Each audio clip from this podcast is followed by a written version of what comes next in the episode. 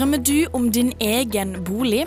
Vi snakker med Lise Espen Fosser om hva du må være klar over, og hva som skal til for at du får boliglån i banken. Studentene ved Norges handelshøyskole får mer pengestøtte hjemmefra sammenlignet med studenter ved andre utdanningsinstitusjoner. Det viser nye tall. Høgskolen på Vestlandet får åpne kontorlandskap. Den nye ordningen kalles skjerma aktivitetsbasert arbeidsplass. Erlend Eidsvik er ikke positiv. Ny karakterrapport fra Universitets- og høgskolerådet viser at det er stor glipp mellom karakterene UHR gir, sammenlignet med den originale sensuren. Du hører på Nyhetsuka på Studentradioen i Bergen, og mitt navn er Ruth Marie Skuldbru. Du hører på Nyhetsuka. Dagens programleder er Ruth Marie Svendsen Skuldbru. Studentene ved Norges handelshøyskole får mer pengestøtte hjemmefra sammenlignet med studenter ved andre utdanningsinstitusjoner. Det viser nye tall fra undersøkelsen gjort av Sentio i samarbeid med Studvest. Undersøkelsen viser at 28% av studentene ved NHH får ekstra støtte hjemmefra. Summen ligger på 200 kroner i måneden eller mer, og utgjør mer enn dobbelt av det andre studenter i Bergen får. Selv om det innad på NH viser forskjeller mellom de som får støtte hjemmefra og ikke, er forskjellene vesentlig store om en sammenligner institusjoner. Med oss for å diskutere disse resultatene har vi Martin Sorge Folkvord, ansvarlig redaktør i Studvest, og Sigmund Grønmo, professor ved eh, Sosiologisk institutt ved Universitetet i Bergen. Velkommen. Og eh, Folkvord, først og fremst, eh, hva var formålet med undersøkelsen gjort av Studvest? Formålet var å kartlegge diverse forhold om studenter sin økonomiske hverdag. Og se på bl.a. hvor mye støtte man får hjemmefra. Og andre ting som uh, om man er bekymra for privatøkonomien ofte, om man opplever at uh, den økonomiske situasjonen går utover studiene og den slags. Mm. Og uh, Er dere overraska over tallene som kom fram i undersøkelsen? nei, altså det er jo en kjensgjerning at at det er mange som får støtte hjemmefra mens de studerer. Og så er det egentlig ganske naturlig at NHH og juridisk fakultet slår ut høyest, tenker jeg. Fordi altså, de slår ut høyest på det her med å få 2000 kroner eller mer i støtte hjemmefra i snitt per måned. Og det er ganske naturlig all den tid det her er veldig krevende utdanninger å komme inn på. Du må ha høyt snitt for å komme inn. Og den største, som jeg vet, i hvert fall indikatoren på om man har høyt snitt, er om foreldrene dine har høyere utdanning. Og Hvis de har høyere utdanning, og da nødvendigvis eller vanligvis også tjener litt bedre, har de jo også mer penger til overs og eventuelt støtte barnet sitt med som studerer. Mm. Og Grønmo, Hva tenker du om tallene som kommer frem her, de store forskjellene? Jo, de bekrefter vel egentlig mønstre som vi har sett i forskning om utdanning og ulikhet eh, over mange tiår i eh, sosiologisk eh, sammenheng. Det er jo slik at uh, siviløkonomstudiet og også jusstudiet er uh, prestisjefylte studier, tradisjonelt sett, profesjonsstudier. Og de har gitt utdanninger, ikke minst til næringsliv. Og det er påvist at det er en stor grad av hva vi kaller reproduksjon av sosial ulikhet som skjer i sånne sammenhenger. Det er ofte slik at foreldre med jusutdanning, eller foreldre med utdanning fra Handelshøyskolen, gjerne ser at eh, barna også får utdanning i samme spor. Eh, det dreier seg altså om to eh, mekanismer. Det ene er at det er foreldre som har råd til å gi sine studenter støtte hjemmefra. Og det er foreldre som kanskje i større grad enn andre har, har ambisjoner for sine barn i denne sammenhengen. Mm. Eh, du, anser du det som problematisk? Det er klart at uh, dette er uh, ikke tilfeldig. Det, det, er slik at uh, de studentene som får støtte hjemmefra, de er mindre avhengig av uh, f.eks. å ha deltidsarbeid ved siden av studiene. Og så lenge studiestøtten, den offentlige studiestøtten ikke rekker til, strekker til, så, så, trenger man noe i tillegg. Og det å ha støtte hjemmefra og slippe å arbeide ved siden av, gir bedre tid, mer tid til studiene og dermed gir det dem en fordel. Sånn at Dermed er det ikke bare slik at uh, det mønsteret vi ser er et resultat av sosial ulikhet, men det bidrar også til å reprodusere den og forsterke den. Folk var. Ja, Det er jeg veldig enig i. Og så må man også understreke eh, Det er gjort eh, en del fra Statistisk sentralbyrå på denne sammenhengen mellom hvor mye du bruker tid på deltidsjobben din, og hvor mye du studerer. Og De ser jo at uh, jo mer du jobber, jo mindre tid bruker du på å studere.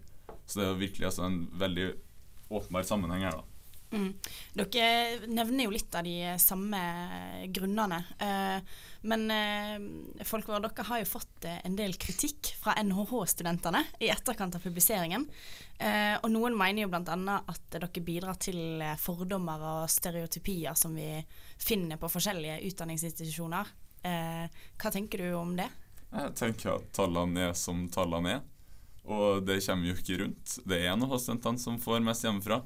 Og det er jo ikke noe de bør eh, skamme seg for. Altså, det, er ingen, eh, det er jo ingen som skal klandres for at foreldre som har økonomi til å støtte et barn som uh, har det travelt og ikke har nok tid til å ha en deltidsjobb, støtte det barnet. Og det er i hvert fall, det vet alle vi studenter, ikke noen som skal klandres for å ta imot 1000 kroner på slutten av måneden når studielånet ikke strekker til og du ikke har råd til mer enn gulost og brødskive. Så det, jeg ville, hvis jeg var en H-student, så ville jeg ikke blitt fornærma over det her. Det er en kjensgjerning, og verken en god eller dårlig ting, som jeg ser det. Hva tenker du, Granmoen, i Ja, stereotypiene som NHH føler Ja, seg truffet av? det bidrar jo til å forsterke en del slike stereotypier. Men det er også klart at eh, stereotypiene er heller ikke, stereotypiene er heller ikke tilfeldige. Det er jo tall som, som det sies, som, som viser faktiske forhold. Og uh, ingen bør være på en måte imot at man får fram eh, slike faktiske forhold. Og så er spørsmålet hva trekker man av eh, konsekvenser eller konklusjoner omkring dette. Og, og da er det klart at eh, et viktig poeng er at den offentlige studiestøtten er så bra at man slipper å være avhengig av tilleggsinntekter. Det vil være den, den riktige måten å takle dette på. Og, og da vil man unngå slike uheldige konsekvenser, som at noen har anledning til å få støtte hjemmefra, mens andre er nødt til å arbeide ved siden av studiene, som gir altså ulikhet knyttet til studiene og ulikhet knyttet til, til utviklingen i samfunnet. Mm. Og Folkvar, Det kom jo fram i den undersøkelsen at eh, 37 av studentene ved NHH svarte at de aldri har vært bekymra for økonomien det siste året. da. Eh, I motsetning til 15 eh, på eh, kunst, musikk og design som sier at de bekymrer seg daglig. Og det kommer jo fram litt det her med hvor de bor, altså hvordan leia er forskjellige steder i byen. Er det på en måte eh, mer opp til studentene hvor de på en måte skulle valgt å bosette seg, eller er det liksom rent studiestøtten som burde vært høyere? Eh, nå, har ikke jeg, nå har ikke jeg sett på leie, altså forskjell i leiepriser i sentrum og på Helleneset, men ut fra det siste jeg har hørt, så er ikke de så veldig mye lavere på Helleneset. Eh, men nei, eh, det har ikke så mye å si med hvor du bosetter deg. For eh, det har blitt regna på hvor mye en snittstudent går i minus hver måned med et vanlig forbruk. Jeg husker ikke tallet i farta, men jeg tror det er rundt 3000 kroner. Eh, og da er det lite forskjell på om du har eh, 5000 i leie eller 4000 i leie. Du går fortsatt i minus når du bare har 8000 kroner å klare deg på. Og du i tillegg skal kunne betale for eh, busskort og strøm og internett osv. Så, videre. så den studiestøtta er for lav uansett hvor eh, eventuelt eh, dårlig du velger å bosette. Ja, og Grønmo, eh, tror du disse sosiale forskjellene eh, mellom studentene vil fortsette? Ja, det er ikke gjort over natta å eh, utviske eller eh, avskaffe sosiale forskjeller. Eh, Så det må vi nok akseptere at sånn er det. Og så blir det som sagt et spørsmål om hvordan den offentlige politikken, bl.a. på studiestøtteordninger, kan kompensere for at det er sosiale ulikheter i samfunnet. Mm. Siste kommentar til deg, Folkvard. Altså De sosiale ulikhetene vil jo bestå uansett, tatt i betraktning at foreldres utdanningsnivå osv. spiller en viktig rolle for mulighetene man har, og hva man får med seg hjemmefra. Men vi må jo som samfunn ønske å legge til rette til at de skal spille en minst mulig rolle. Og det gjør vi ved å øke studiestøtta, så at det ikke er dem som har foreldre med størst lommebok, som har mest i å studere, mens er dem som eventuelt da tar en eh, i klassereise og studerer med foreldre som har en mindre lommebok da i tillegg må ha den belastninga at de er nødt til å ta to vakter i kassa på Kiwi hver eneste uke, mens de andre sitter på lesesalen. Mm. Tusen takk for at dere kunne komme i studio, Martin Sorg Folkvord, ansvarlig redaktør i Studvest, og Sigmund Grønmo, professor ved Sosiologisk institutt ved Universitetet i Bergen. Du hører på Nyhetsuka. På Studentradioen i Bergen. Høgskolen på Vestlandet får åpne kontorlandskap, og den nye ordningen kalles skjerma aktivitetsbasert arbeidsplass. Erlend Eidsvik mener de nye ordningene tåkelegger sjøl klare høstdager, og de gamle kontorene skal byttes ut med moderne arbeidsplasser. Men betyr moderne bedre? Med oss for å snakke om dette er forfatter av innlegget Erlend Eidsvik, førsteamanuensis ved avdeling for lærerutdanning ved Høgskolen på Vestlandet. Velkommen. Takk skal du ha. Og eh, Eidsvik, du skriver at i de tradisjonelle kontorene er det rom for å lukke døra når en har behov for å konsentrere seg. Tror du konsentrasjon vil bli et problem med de moderne eller nye arbeidsplassene?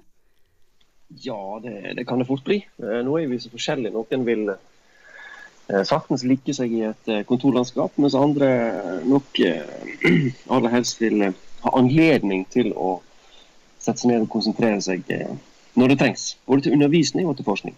Mm. Eh, og denne her eh, omrokeringen, eller de nye arbeidsplassene, er dette eh, som du òg eh, nevner litt i denne eh, artikkelen din, budsjettrasjonering kamuflert som nyspråk? ja, det, altså, det, er klart. Altså, en, en, en, ledelse er jo, det står jo ansvarlig for, eh, for kostnadene og budsjettet ved et slikt bygg. Så der har vi et, tydelig press overfra. Mm. Så litt av poenget med, litt av poenget med denne, denne artikkelen var jo at den såkalte medbestemmelsen som vi er invitert inn i, egentlig er et, eh, et spill på galleriet. For her er, så, her, er det så, tydelige krefter fra, fra, fra departement. Um, og, eh, og, og, det går helt klart, eh, klart på kostnad. Og dessverre så går det utover da, vår arbeidshverdag. Så den blir, den blir, vanskeligere. Opplever du da at de som faktisk kunne på en måte ha et ord med i laget, ikke ble hørt? Ja, det er klart. Uh, og nå er det jo eh, altså Prosessen har vært sånn at, at, at vi er invitert inn til å, å, å mene, altså alle vi som det er da eh, brukere eller ansatte. Og, og det er jo fint og prisverdig, det. Men, men, det er jo ikke sånn at de stemmene, stemmene blir hørt. Så det er altså en sånn ja, det kan kalle et, et spill på galleriet. Mm. Uh, og det er jo masse uh, fancy forklaringer på uh, forskjellige begreper som kanskje kunne vært lettere.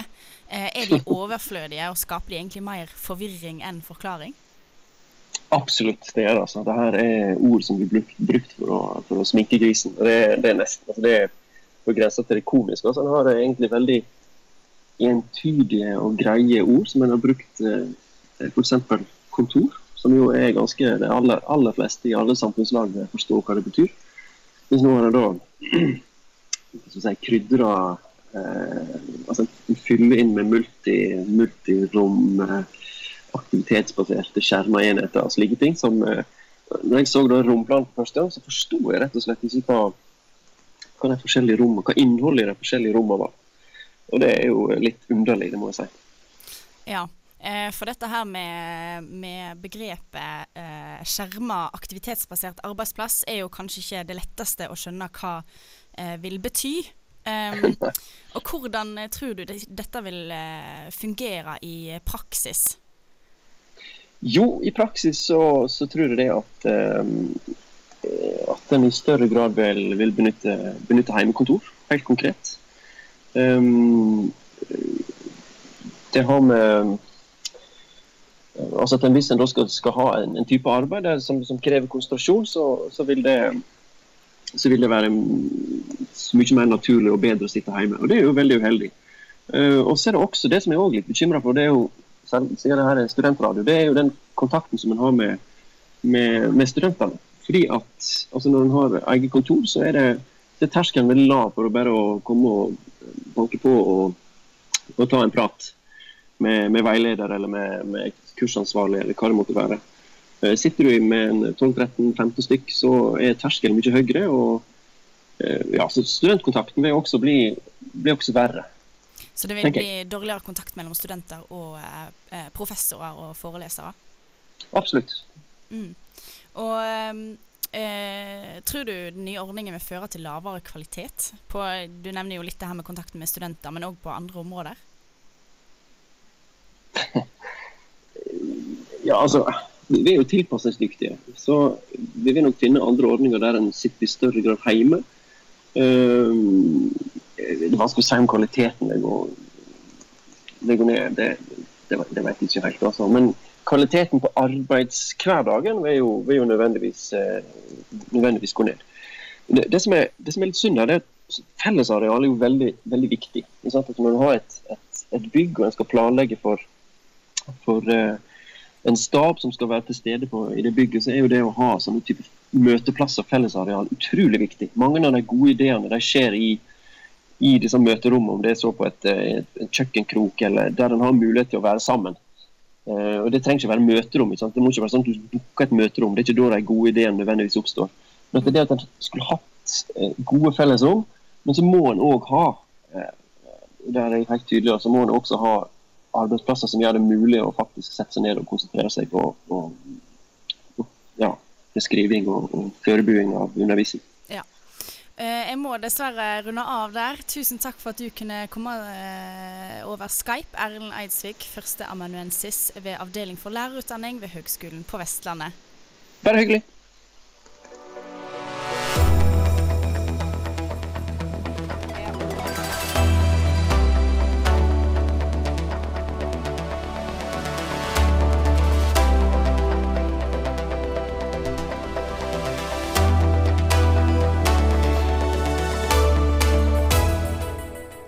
En ny karakterrapport fra Universitets- og høgskolerådet viser at det er stor glipp mellom karakterene UHRs karakterkommisjon gir, og eh, sammenlignet med den eh, originale sensuren. Det som går igjen, er at institusjonene er for snille, og konklusjonen i rapporten er at eh, en i stor grad finner fenomenet hjemmedømming. Med oss for å diskutere dette har vi Klaus Huifelt, prodekan for eh, utdanning ved Det humanistiske fakultet, og eh, førsteamanuensis ved Institutt for filosofi og førstesemesterstudier. Og over Skype skal vi ha Bente Ringlund Bune, senior, seniorrådgiver i Universitets- og høgskolerådet. Velkommen til eh, dere. Takk. Og eh, Bunes, først og fremst, hva menes med hjemmedømming? I denne, I denne rapporten så er det brukt som eh, begrep når den opprinnelige sensuren eh, var bedre enn det kontrollkommisjonen kom frem til. Hva er konsekvensene av eh, hjemmedømming? Nei, hvis det er eh, mye eh, bedre sensur enn det man egentlig har fortjent, eller ikke er riktig, så kan det jo føre til inflasjon i bruk av gode karakterer. Mm. Og eh, hva tenker du om Bunes, det hun forteller? Eh, konsekvensene av hjemmedømming? Ja, nei, altså De kan jo veldig lett bli at eh, verdien av karakterene blir devaluert, ikke sant. Og hvis man eh, jevnt over gir veldig mye god, bedre karakterer et sted enn et annet, så vil man eh, begynne å spørre ikke bare kar etter karakteren, men, også hvor den er fra. Sånn er det for så vidt vanlig i utlandet, der hvor man ikke har sånne, nei, sånne standardiseringsordninger. Mhm. Og ifølge rapporten er det avvik på 38 av 77 besvarelser i f.eks. historiefag, som eh, originalkarakter og kombinasjonskarakter. Eh, hvorfor tror du det er sånn? Nei, det er, det er litt vanskelig å si. Eh, jeg har ikke hatt tid til å studere den der rapporten i noen detalj. Eh, jeg har bare konstatert at eh, i akkurat dette tilfellet så er ikke Bergen, eller våre fag her i Bergen, de som kom verst ut. Snarere tvert imot. Det er jeg glad for. Mm. Og Bunes kommisjonens karakterer er ofte strengere enn den originale sensuren. Hva tenker du om det? Jeg tenker jo at Når det er avvik, uansett hvilken retning det er avvik, så er det problematisk. For det viser at eh, man ikke bedømmer eh, oppgavene på samme måte. og da er det, det er vanskelig å se hva, si hva som er eh, den riktige bedømmelsen. Men at det, er, eh, at det er problematisk at det er avvik, om det er bedre eller dårligere. Er dette tendenser som har gått igjen i tidligere rapporter? Det er forskjell eh, både og. Vi har sett det tidligere også, så det er ikke veldig overraskende. Men det har også vært eksempler på at det ikke har vært så store avvik. Og det er kanskje mer i fag hvor eh, det tradisjonelt er mer samarbeid mellom eh, institusjonene. Da, sånn at man har en, en slags, et, et, et, ja, et, større samarbeid i utgangspunktet. Mm. Eh, og Hyvel, hva tenker du om eh, kommisjonens eh, karakterer? At de ofte er strengere enn de eh, originale? Nei, jeg tenker jo det at, at, dette må ses i sammenheng med dette her med, med enmanns- eller enkeltpersonskommisjoner. Kommisjoner med to medlemmer, kommisjoner med eksterne medlemmer. Uh, Humanistiske fakultet i, i, Bergen så er vi litt gammeldagse, for vi bruker, har til nå brukt veldig lite enkeltpersonskommisjoner. Vi har nesten alltid to sensorer, og i de aller fleste tilfellene så er den ene av dem ekstern. Men det koster. Det koster penger, og det koster tid. Så det er også en side ved dette her. Før i tiden så var det jo slik, altså før kvalitetsreformen, så var det jo slik at man hadde rutinemessig kommisjoner på tre medlemmer, og det var alltid én ekstern. Sånn er det ikke lenger. Mm. Og uh, Bunes, hva tenker du kan uh, bli gjort for å unngå uh, avvik som dette? Det som vi eh, fremhever, det er jo Nå kommer det et uh, lovforslag om at det blir obligatorisk med sensorveiledninger i alle fag. Det vil uh, hjelpe noe. Men også økt bruk av ekstern sensur og økt samarbeid mellom sensorer er viktig for å, ja, for å få mindre avvik. Og Huifeld, hvordan følger dere opp sånne avvik som UHR har gjort? Avvik følges opp eh, altså I enkelttilfeller, hvis de er ekstreme, så, så, vil jo de som oftest få sin oppfølging gjennom at eh, studenten klager. og eh, Forhåpentligvis, da. Men ellers så har vi jo ikke noe sånn systematisk kontroll på hver eneste eksamen. Det er klart. Men, men, men dette er jo noe som drøftes i fagmiljøene. og hvis man ser sånn, tendenser som er avvikende over tid, så, så, er det noe man tar opp. Mm. Tusen takk for at dere kunne være med oss for å diskutere dette. Klaus Huifeld, prodekan for utdanning ved Det humanistiske fakultet og førsteamanuensis ved Institutt for filosofi og førstegrads eh, førstesemesterstudier. Og over Skype Bente Ringlund Bune, seniorrådgiver i Universitets- og høgskolerådet. Du hører på Nyhetsuka. Dagens programleder er Ruth Marie Svendsen Skuldbru. Drømmer du om din egen bolig, spør Lise Aspen Fosså i sitt leserinnlegg om hva som skal til for at du skal få boliglån i banken. Hun tar opp hva du som låntaker må være klar over, hva hovedregler som gjelder, og hvordan økonomiformidlingen kan hjelpe deg. Lise Aspen Fosså fra Økonomiformidlingen er med oss for å diskutere boliglån. Velkommen. Tusen takk. Og først og fremst så lurer jeg egentlig litt på eh, om du kan fortelle litt om Økonomiformidlingen. Altså hvem er, hvem er dere, og hva gjør dere? Ja, Vi består av eh, studenter i Bergen, da hovedsakelig fra NHH. Vi jobber med å gi privat eh, økonomisk rådgivning, da. Så vi tar imot hvem som helst, så uansett hva du lurer på, så er det egentlig bare å ta kontakt og høre om det er noe vi kan hjelpe med. Alt fra budsjett om det skulle være noen lånproblemer. Kreditorer, mye forbrukslån ute og går. Så vi hjelper egentlig med det meste. Og eh, hva er det aller viktigste unge som ønsker å kjøpe bolig, må være klar over? Vi har kommet fram til tre ting som er det viktigste som bankene ser på. Det er at du har en betjeningsevne, at du har sikkerhet, og at du har en sunn økonomi. Hva, altså Som låntaker, hva krever banken av deg? Det er sikkert mange unge som ikke er helt klar over det. Nei, det er, det, altså, det er veldig vanskelig. Jo, jeg søkte opp veldig mye, og det er mye rare ord der ute. Så det første er jo det som er betjeningsevne. Det kan være litt vanskelig å forstå. Det skjønner vi veldig godt. Det går egentlig ut på at du har evne til å betjene det lånet du eventuelt tar opp at når du har brukt alle dine Altså du får inntekt, du bør ha en stabil inntekt, det er ganske viktig for at du skal kunne betjene et lån. Og så har du òg mye faste kostnader. Du skal jo betale ned eh, lånet først og fremst. Du har strømutgifter, og du har sikkert vann og avgift. Det kommer mat. Du skal kanskje reise kollektivt, eller du skal ha bil. Du skal ha lyspærer, f.eks. Altså det, er, det er mye du skal dekke utenom, da. Eh, så det er viktigst at du har penger utenom eh, de andre behovene du har i, daglig, i dagliglivet ditt. Eh, du nevner jo òg i teksten din eh, disse nyutdannede som gjerne er på vei ut i arbeidslivet. Eh, men har en som student eh, mulighet til å låne penger i banken? det har du mulighet til.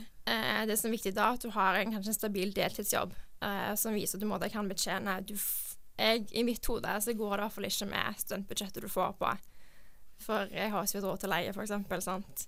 Men har du en stabil deltidsjobb, så vil det jo være mulig selvfølgelig å ta opp et lån.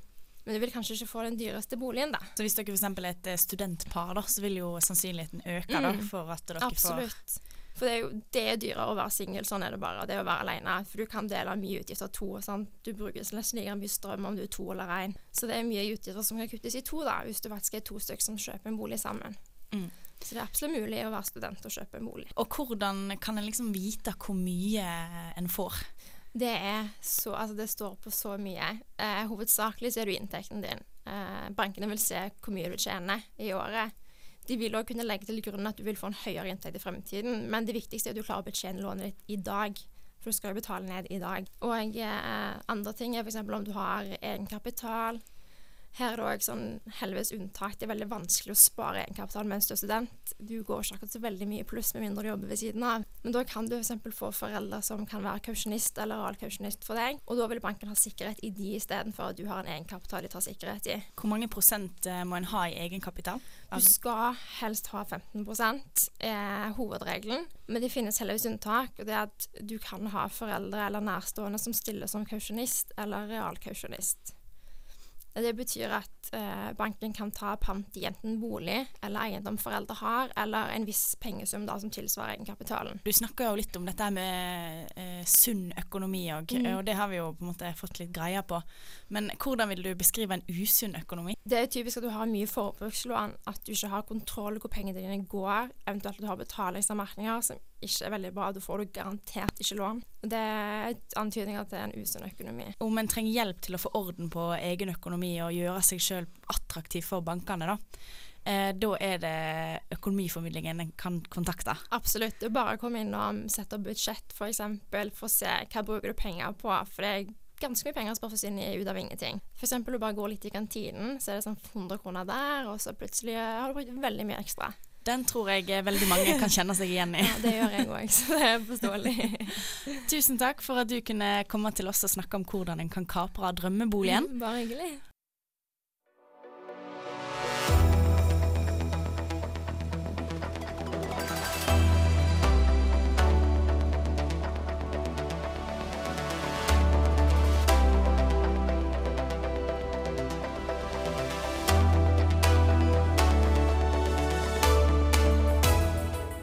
Det var alt vi hadde av denne sendingen av Nyhetsuka. Vi takker alle våre gjester og vår produsent Torvald Næss. Ansvarlig for denne sendinga var Karoline Baug. Mitt navn er Ruth Marie Skuldbru, og da gjenstår det bare for meg å ønske dere ei riktig god helg. Du har nettopp hørt en sending av Nyhetsuka. Podkast finner du på iTunes eller srib.no.